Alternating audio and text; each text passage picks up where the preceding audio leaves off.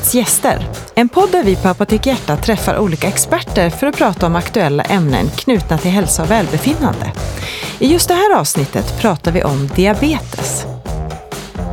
Hjärtats gäster med Annika Svedberg, chefsapotekare på Apotek Hjärtat och Lena Insulander, diabetessjuksköterska och sakkunnig på Diabetesförbundet.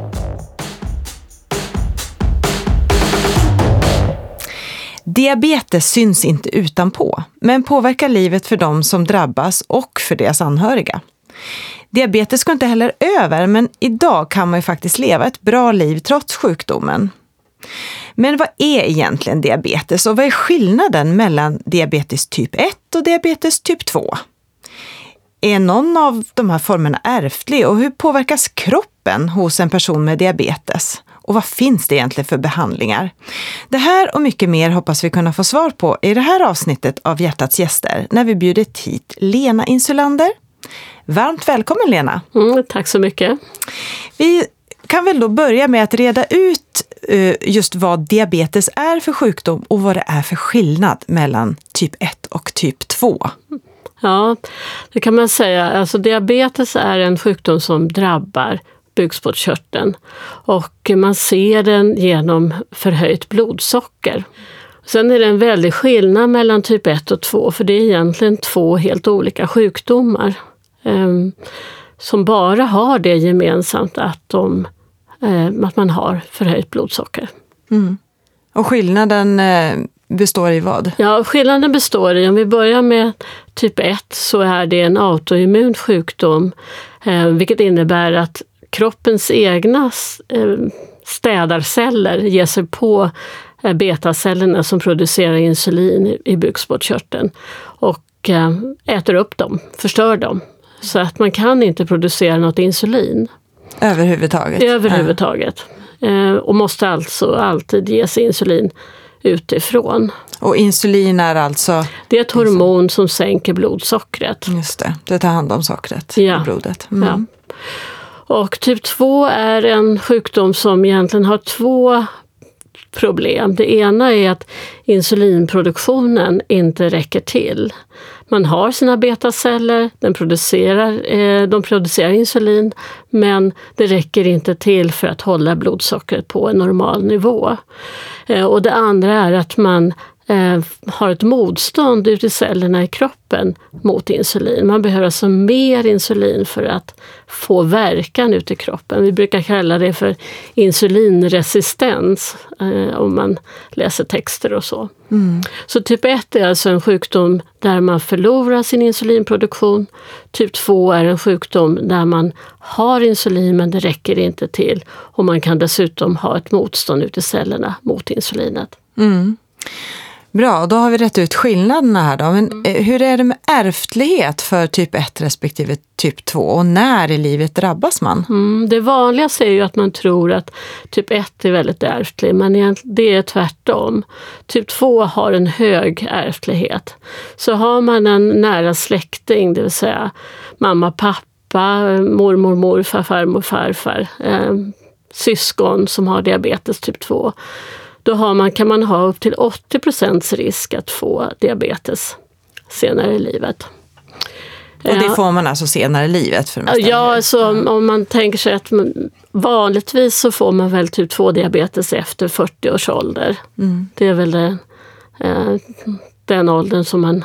Eh, före det är det ganska ovanligt. Mm. Eh, Medan typ 1-diabetes, där ska man, om man har båda föräldrarna med typ 1-diabetes så kan man komma upp i en 25-procentig ärftlighet. Så att typ 1 kan man faktiskt vara helt ensam om i hela sin släkt om att ha. Och det är inte heller så som många tror att man kan gå från den ena typen till den andra. Nej. Utan eh, de är helt skilda, har bara det gemensamt att, de har, att man har högt blodsocker. Ja. Att man inte kan styra det med insulinproduktionen. Mm. Och typ 1, när drabbas man vanligtvis av det? Det vanligaste är ju eh, barnaåren och ungdomsåren och så. Eh, men det är eh, också någonting som man inte känner till tror jag, att man kan få en typ 1-diabetes hela livet. Mm. Så det vanligaste är liksom barn och ungdomsåren kanske. Men sen ligger liksom möjligheten eller risken att få typ 1-diabetes kvar på en jämn nivå genom hela livet. Så även en 90-åring kan få en typ 1-diabetes. Mm. Och vilka symptom får man då? Man, man får högt blodsocker säger mm. du, men, men hur märker man av det då? De klassiska symptomen på diabetes det är ju att man eh, blir törstig. Eh, man dricker mycket på grund av den törsten och man kissar mycket på grund av att man dricker mycket. Kroppen försöker alltså eh, kompensera eller späda ut det här höga blodsockret med hjälp av, av vätska. Ehm, och sen kan man också bli trött. Ehm, och man kan också få dimsyn av sockret. Att man får sockeransamling in i ögonen så att man ser suddigt. Ehm, Ja, det är väl de vanligaste. Alltså, uh, törstig, dricker mycket, kissar mycket, trött. Mm. Men här är det också viktigt att skilja på att Typ 1-diabetes eh, den debuterar ganska snabbt, det vill säga de här symptomen är rätt så tydliga. Det är ingen som kan gå med en, liksom, med en typ 1-diabetes i, i, under lång tid utan att märka av det. Man blir rejält sjuk. Eh, Medan en typ 2-diabetes, där kan blodsockret eh, höjas lite sakta och då vänjer sig kroppen så att symptomen är inte alls så tydliga. Man kanske inte förrän efteråt kan notera att jag var nog lite tröttare eller jag drack nog lite mer eller så. Mm. Så det här är viktigt att tänka på när man funderar över om, om man har en diabetes. Att, eh, symptomen kan vara otydliga vid typ 2 men är extremt tydliga vid typ 1. Mm. Eh, kan du säga någonting mer om, om behandling, eh, både när det gäller läkemedel och, eh, och andra sätt att behandla diabetes? Mm. Ja, som sagt typ 1 måste man ge insulin därför att det är en brist på insulin man har och det är ett hormon som vi inte kan leva utan. Sen typ 2-behandlingen mm, består ju i första steget egentligen utav att man tittar över sina levnadsvanor. Alltså vad man äter och hur mycket man rör på sig. Men sen behöver man sannolikt också lägga till någon typ av tablettbehandling för att stödja den här bristen på insulin eller det här motståndet mot insulin ute i kroppen. Mm. Så en typ 2-behandling kan, där kan man ha en herrans massa mediciner.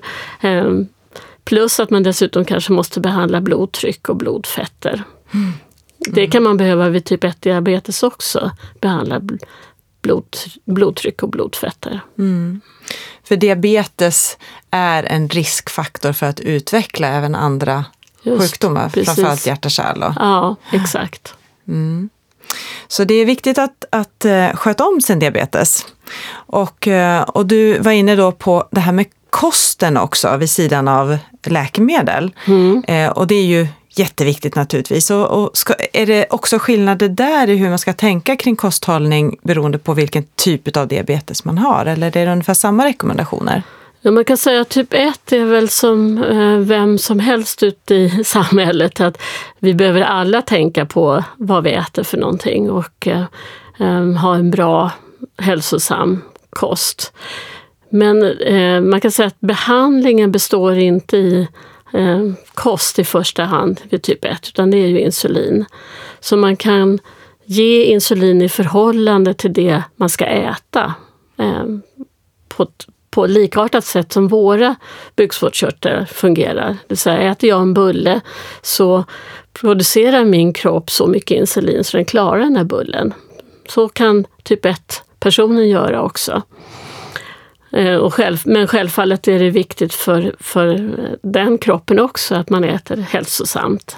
Vid typ 2 så är det ju en del av behandlingen och där är det ju främst att man ser över Eh, det som vi kallar för snabba kolhydrater. Det vill säga ehm, kakor och bullar och läsk och godis och sånt här som vi har lagt till kosten som egentligen inte kroppen har någon nytta av. Ehm, det tillfredsställer oss på andra sätt, men kroppen har inte nytta av det. Ehm, att man har en lagom stora portioner så att man antingen kan gå ner i vikt eller behålla sin vikt. Så där har kosten ett annat syfte på något sätt, att balansera den här eh, insulinbristen som finns i, i kroppen. Mm. Anpassa sig lite grann till den, den lägre halten av insulin och ja, precis. högre motståndet i cellerna. Ja. Mm. Och när det gäller motståndet i cellerna, det är absolut eh, mest, eller oöverträffade sättet att eh, eh, ta hand om det, det är ju fysisk aktivitet. Ah. Så bara en, en promenad på tio minuter, en kvart, gör en skillnad. Mm. Mm. Så där är ju eh, den fysiska aktiviteten oerhört viktig att få till. Mm. Så grund, grundbehandling vid typ 2 är ju levnadsvanor. Mm. Om, om, man, om man lyckas riktigt bra där så kan man ju faktiskt, vad jag har hört, faktiskt undvika att behöva använda sig av läkemedel eller till och med kunna ta bort läkemedel som man har satt in tidigare? Ja, alltså det, det förekommer ju ofta att man säger att man blir frisk. Mm. Så är det ju inte, för kroppen har visat att den inte riktigt klarar av att hantera framförallt kolhydrater. Då. Mm. Ehm, så att, men visst, går man ner i vikt och börjar vara fysiskt aktiv och jobbar på sina levnadsvanor så kan man få helt normala blodsockervärden och kunna reducera eller kanske också ta bort sina mediciner, sina läkemedel. Um, men det är ett villkor att man fortsätter med det därför att som sagt att kroppen har visat på att den inte riktigt klarar av en situation eh, med, om man så uttrycker det, för dåliga levnadsvanor. Mm. Så det gäller att ställa om helt enkelt? Det gäller att ställa ja, om. Ja. Så frisk blir man inte. Nej, det, nej. det är en fråga som jag ofta fick när jag jobbade som diabetessköterska. Ja. ja, just det. Och när det gäller typ 1 så är det ju också så att det, där får man ju aldrig tillbaka sin insulinproduktion Nej. utan man ersätter då via sprutor, mm. eh, insulinsprutor. Och, och där eh, när, när det gäller att ändå ha, ha kontroll över blodsockernivån, för det är ju väldigt viktigt för att inte utveckla följdsjukdomarna. Då. Mm. Vad är de viktigaste sakerna att tänka på då? Eh, för att ha den här kontrollen. Och det, det gäller ju både då eh, patienten själv men också föräldrar som är oroliga som har små barn som är drabbade. Mm. Ja, eh, alltså vi har ju absolut ingen bot för typ 1 eller typ 2 diabetes. Så att, som, som, som, du säger, man måste ge sig insulin fortsättningsvis resten av livet. Det man måste ha koll på det är ju blodsockret ehm, och det kan man göra på olika sätt. Ehm, man mäter ju det, man kan sticka sig i fingret eller man kan ha vad vi kallar för kontinuerlig blodsockermätning som är en liten plaströr som sitter under huden och som mäter och skickar ut värden. Så att blodsockervärdet måste man ha koll på i stort sett hela tiden. Det kan vara så att den som har typ 1-diabetes kanske måste kolla sitt blodsocker 10-15 gånger per dag för att ha bra koll mm. och anpassa sin insulindos till det. Um, så det är ett ganska uh, det är ett jobb i sig kan man säga. Alltså mm. Jag beundrar många som har typ 1-diabetes som, som jobbar heltid och sen har de en typ 1-diabetes dessutom som de ska hålla koll på. Mm. För det handlar ju om inte bara liksom att titta på den här siffran utan att värdera den i förhållande till vad har jag gjort, vad ska jag göra, hur mycket jag har rört på mig, vad ska jag äta, eh, vad är det som ligger på tallriken? Ja, det tusen frågor som man måste ta ställning till varje gång man ska justera sitt blodsocker. Mm. Så det är verkligen en heltids arbete i sig kan man säga. Ja, många klarar ju av det där galant ja. faktiskt och nu för tiden finns ju också bättre och bättre redskap. Mm. Eh, appar pratade vi om här lite tidigare innan vi gick in i studion. Finns ju som hjälp och stöd för många och inte minst då för föräldrar. Mm. Att kunna följa blodsockernivåerna. Ja. Och när man då eh, som förälder har ett barn som är drabbat och ska liksom komma in i det här med att hantera diabetes, vad, vad, får man för hjälp då med att hantera sprutor och mm. blodsockerstickor och allt möjligt då? Man får ganska mycket, eller väldigt mycket stöd kan man säga inledningsvis. Så först kan är det för föräldrarna väldigt, det är en chockartad upplevelse naturligtvis. Så det Eh, är ju en sån här bearbetning som, som tar tid att, att komma igenom. Eh, rent tekniskt att lära sig ta blodsocker eller alltså mäta blodsocker på sitt barn och ge, ge insulin, det får man ju väldigt mycket stöd och hjälp med dels inne på sjukhuset när, när barnet är då akut sjuk men också sen eh, vid mottagningsbesök eller telefonkontakter och så. Det som är svårast tror jag det är ju att man kan ju inte se på barnet liksom hur, hur det mår, hur blodsockret ligger. Eh, så det där att liksom eh, man måste testa för att se.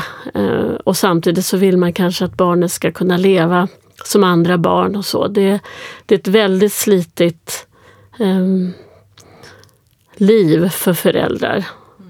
Och nätterna kan vara jättejobbiga. Det är ju många föräldrar som beskriver att de inte, inte sover bra om nätterna till exempel för de är rädda att barnet ska få för lågt blodsocker och så. Mm. Så att det är, ja, det är ett riktigt stort jobb alltså att ha ett barn med eh, typ 1-diabetes. Mm. Och då är det ju bra att man kommer fram med bättre och bättre hjälpmedel absolut, då, för att det stötta det, det, är det här. Mm. Det absolut bästa vore ju naturligtvis en bot för ja. eh, att kunna bota eh, diabetes. Ja. Och det hoppas vi kommer så småningom. Man forskar ju väldigt mycket på det. Att eh, transplantera mm. celler till bukspottkörteln och så vidare. Jag, jag tänker på det här med att veta hur barnet mår eh, och, veta hur man ligger i blodsocker och så. Det, det, man brukar prata om ibland när det gäller diabetes är att man får känningar, insulinkänningar och så. Mm.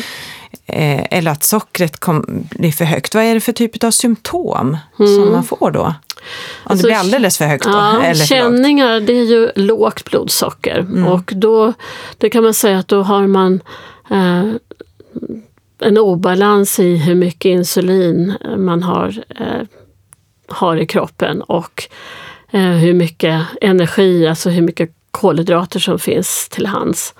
Så då sjunker blodsockret. Ehm, och det där skiljer sig också mellan typ 1 och typ 2. Typ 2 kan också få känningar om man har vad vi kallar för insulinfrisättande läkemedel. Läkemedel som hjälper bukspottkörteln att producera mera insulin. Då kan man drabbas av känning. Oftast är inte den så eh, akut eh, som om man har en insulinbehandling. Um, och symptomen då? Symptomen det är ju att man eh, eh blir blek, man blir kallsvettig svettig, man kanske darrar. Alltså hela, hela systemet, hela kroppen signalerar att nu är det liksom fara och färde. Mm. Um, och uh, nu måste jag ha i mig någonting, uh, någonting sött för att få upp blodsockret. Och det är framförallt hjärnan som signalerar de här uh, symptomen. Ibland kan man märka på en del bara att man blir lite, man har svårt att fatta beslut. Liksom. Jag märker att de försvinner lite grann. Mm. Ehm, och det yttersta är ju om man inte gör någonting åt det så, så blir man ju medvetslös. Ehm, för att kroppen stänger av alla funktioner som inte akut behövs och så. Mm. Men vi har reservkapacitet, det ska man vara klar över. att det, det man är rädd för som typ 1 eller typ 2 diabetes, det är att man ska dö i en känning. Men, men lev, i levern finns äh, skafferiet mm. som kroppen skickar ut socker ifrån. Så det tar lite tid men det kommer. Mm. Eh, för så vitt man inte har liksom tomt i skafferiet. Men det är väldigt sällan. Så att mm. Man hämtar sig efter en sån här eh, extremt lågt blodsocker. Och det man då ska göra det är att tillföra något sött, något då, sött. snabbt. Ja. Det är då man ofta pratar om druvsocker. Druvsocker, ja. ja. Så länge personen kan svälja så kan man ge druvsocker eller saft eller eh, godis eller ja, vad som som innehåller eh, som är sött, som innehåller socker. kan man inte svälja så ska man, då ringer man 112 och kallar på ambulans. Mm. För då behöver man kunna ge socker intravenöst. Mm. Och om vi säger på, åt andra hållet då, om man har för mycket socker, vad får man för, för symptom då? Det är de där klassiska symptomen som jag nämnde när man sätter diagnosen. Ja, Törst, eh, dricker och kissar. Mm.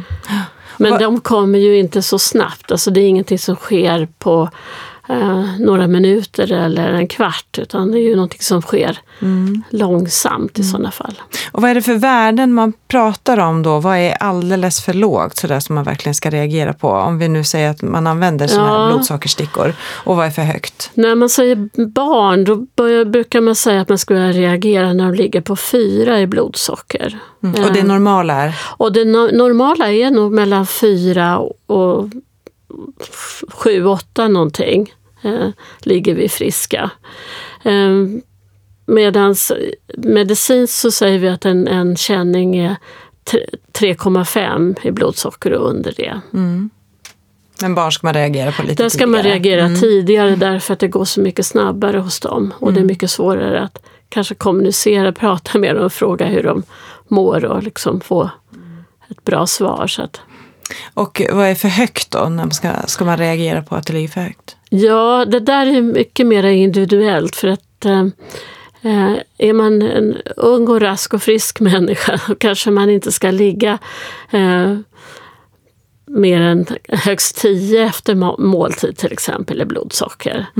Men är man en äldre person så kanske man kan då, då accepterar man lite högre värden därför att man, eh, man ska inte vara, ligga för lågt. Eh, jag brukar säga att barn, riktigt gamla människor och barn eh, reagerar ungefär på samma sätt. De ska inte ligga för lågt men de ska inte ligga allt för högt heller. Så att en äldre person kanske, och då menar jag någonstans 85 kanske, eh, bör inte ligga över 15 i blodsocker. För då börjar man få då kan man få symptom och kanske få yrsel och sånt och ramla. Och, ja, det händer saker som stökar till livet. Mm. Är det, sker det tillfället så är det ingen fara, men ligger man konstant på för höga värden så, så är det inte så bra. Vad kan du säga mer om följdsjukdomar till diabetes? Ja, kroppens alla organ kan man säga eh, tycker inte om för högt blodsocker. Så att eh, i stort sett hela kroppen kan påverkas av diabetes. Eh, det man oftast känner till det är ju ögon och njurar och fötter. Men även eh, hjärtat, alltså hjärtinfarkt är en bi, biverkan till diabetes. Och också stroke. Eh, och det är inte alla som känner till att det är på det sättet. Så att det är ju en allvarlig sjukdom. Eh, Man kan leva normalt med den, normalt genom lite situationstecken. Eh, Men det är en sjukdom som, som om den inte får den uppmärksamhet den behöver kan leda till svåra konsekvenser. Mm.